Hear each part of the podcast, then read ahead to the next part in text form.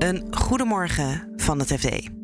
Ik ben Pauline Wuster en het is maandag 23 mei.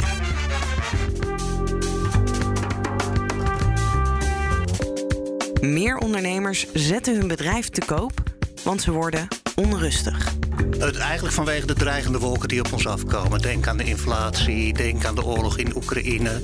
De huidige krapte op de arbeidsmarkt gaat ons betere banen opleveren, maar geen hoger loon. Op de langere termijn is betere banen en interessanter werk is wel hetgeen wat, wat leidt tot welvaart. En onder studenten is drugs inmiddels zo gewoon als een biertje. En iedere student die ik daar aansprak, gebruikte wel eens.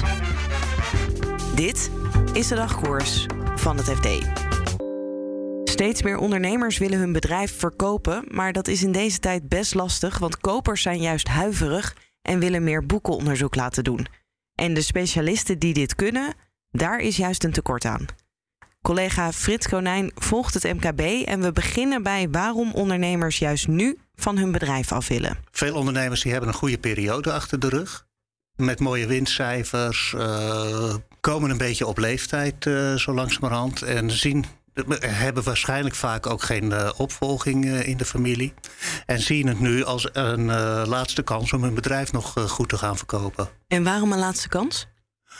Het, eigenlijk vanwege de dreigende wolken die op ons afkomen. Denk aan de inflatie, denk aan de oorlog in Oekraïne. Uh, ze hebben ook nog steeds het gevoel kwetsbaar te zijn. We hebben natuurlijk net corona achter de rug. Nou ja, laten we hopen dat het achter de rug is. Uh, ja, wie weet wat een volgende crisis uh, met hun bedrijf gaat doen. Ja, dus ze willen er van af nu het nog kan voor een goede prijs. Daar komt het feitelijk op neer, ja. Als je iets wil verkopen, is het handig om een koper te hebben. Hoe enthousiast zijn die daarover? Nou, daar is nog wel enthousiasme, maar wat je wel ziet is dat de voorzichtigheid aan het toenemen is. Vanwege diezelfde dreigende wolken die uh, op ons afkomen. Uh, die zien zij natuurlijk ook. Hoe uitzicht dat dan, dat ze voorzichtiger worden? In de eerste plaats dat ze uh, langer doen over het boekenonderzoek. Van zitten er echt geen verborgen lijken in het bedrijf?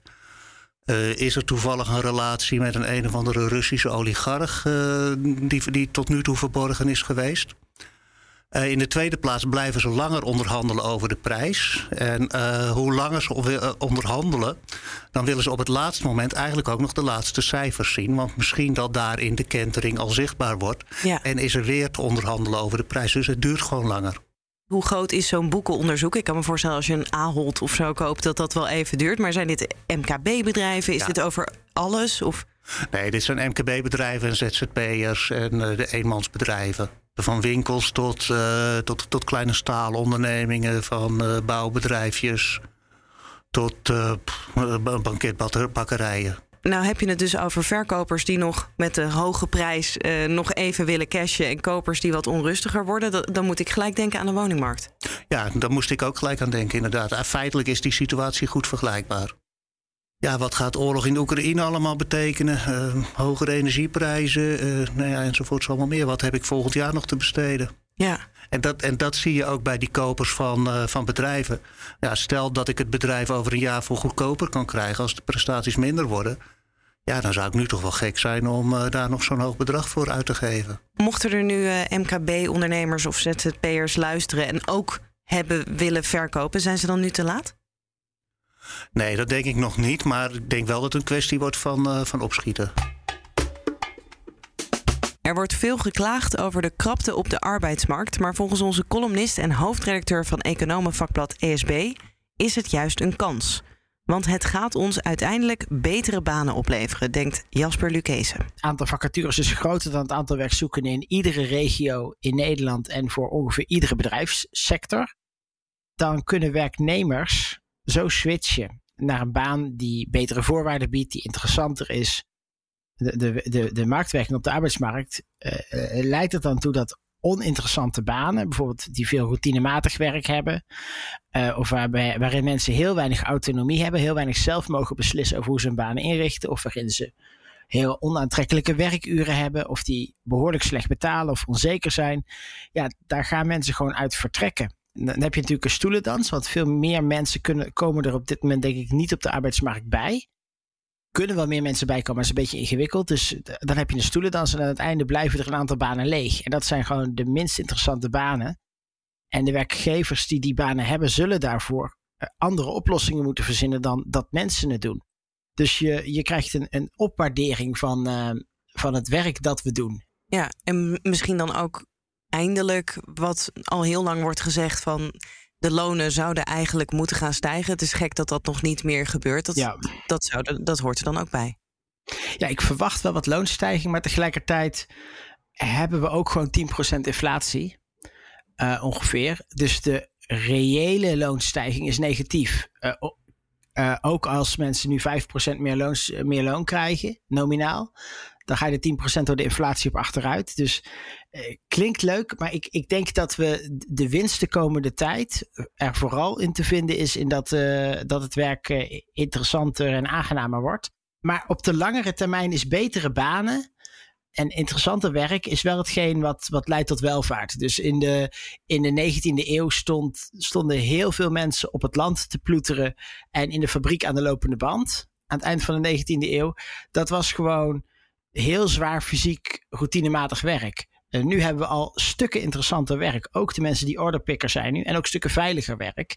En dat is voor een belangrijk deel gekomen door arbeidsmarktkrapte. Nou, die arbeidsmarktkrapte nu gaat ertoe leiden dat dit proces alleen maar. Dit zorgt ervoor dat dit proces alleen maar doorzet.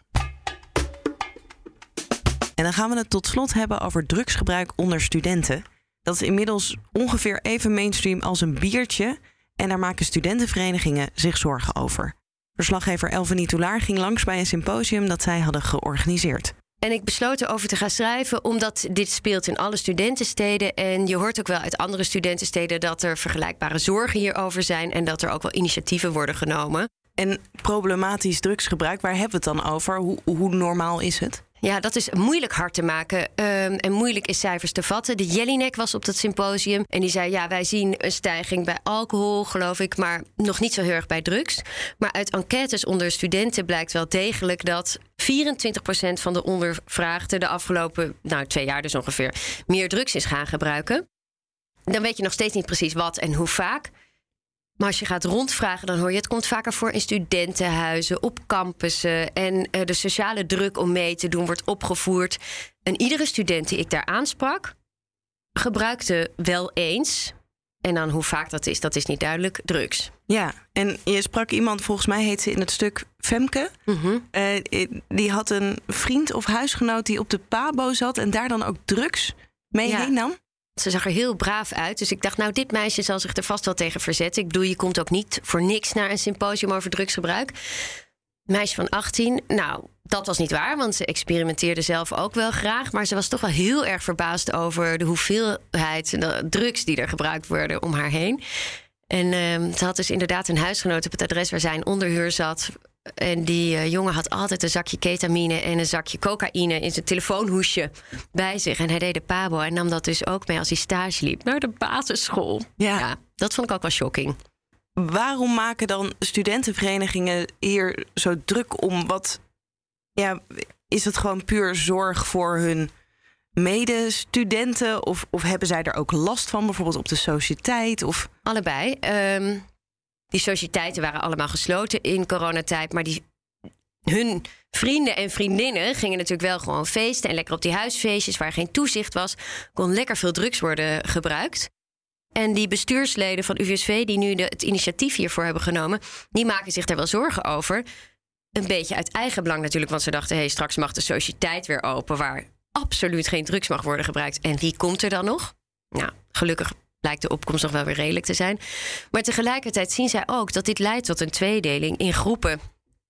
Want ja, het is natuurlijk niet leuk als je op een feestje bent en de ene helft gaat aan de drugs en de andere helft niet. Je komt een beetje in verschillende werelden. En, um, en als het in je eigen studentenhuis gebeurt. Ik heb een uh, vertrouwenspersoon van studenten gesproken. Die zei ook: ja, er zijn mensen die zich genoodzaakt zien om te verhuizen als ze willen stoppen met drugs. Omdat het drugsgebruik in hun eigen huis ja, een beetje te dwingend is. En anders kunnen ze er niet mee stoppen. Jij hebt zelf ook in Utrecht gestudeerd, ook bij uh, eh, UVSV gezeten. Herkende jij dit uit jouw studententijd of is het echt heel anders? Ja, de groepscultuur herken ik natuurlijk. Maar bij ons was het toch nog vooral bier. Ja. ja. En inmiddels is, zijn drugs ongeveer zo normaal als een biertje nemen. Ik sprak een jongen en uh, die trok die vergelijking wel. Ja, het is, en iedereen, alle studenten die ik daar aansprak, die gebruikten ook wel eens drugs. En je bent er natuurlijk minder open over naar je ouders misschien. Ja. Maar onderling ja, wordt er gewoon over gesproken. En, en als je naar een feestje gaat, vraag je gewoon: ja, is dit een drugsfeestje of niet? En als je daar dan zin in hebt, nou, dan ga je er naartoe. En zo niet, nou, dan ga je niet.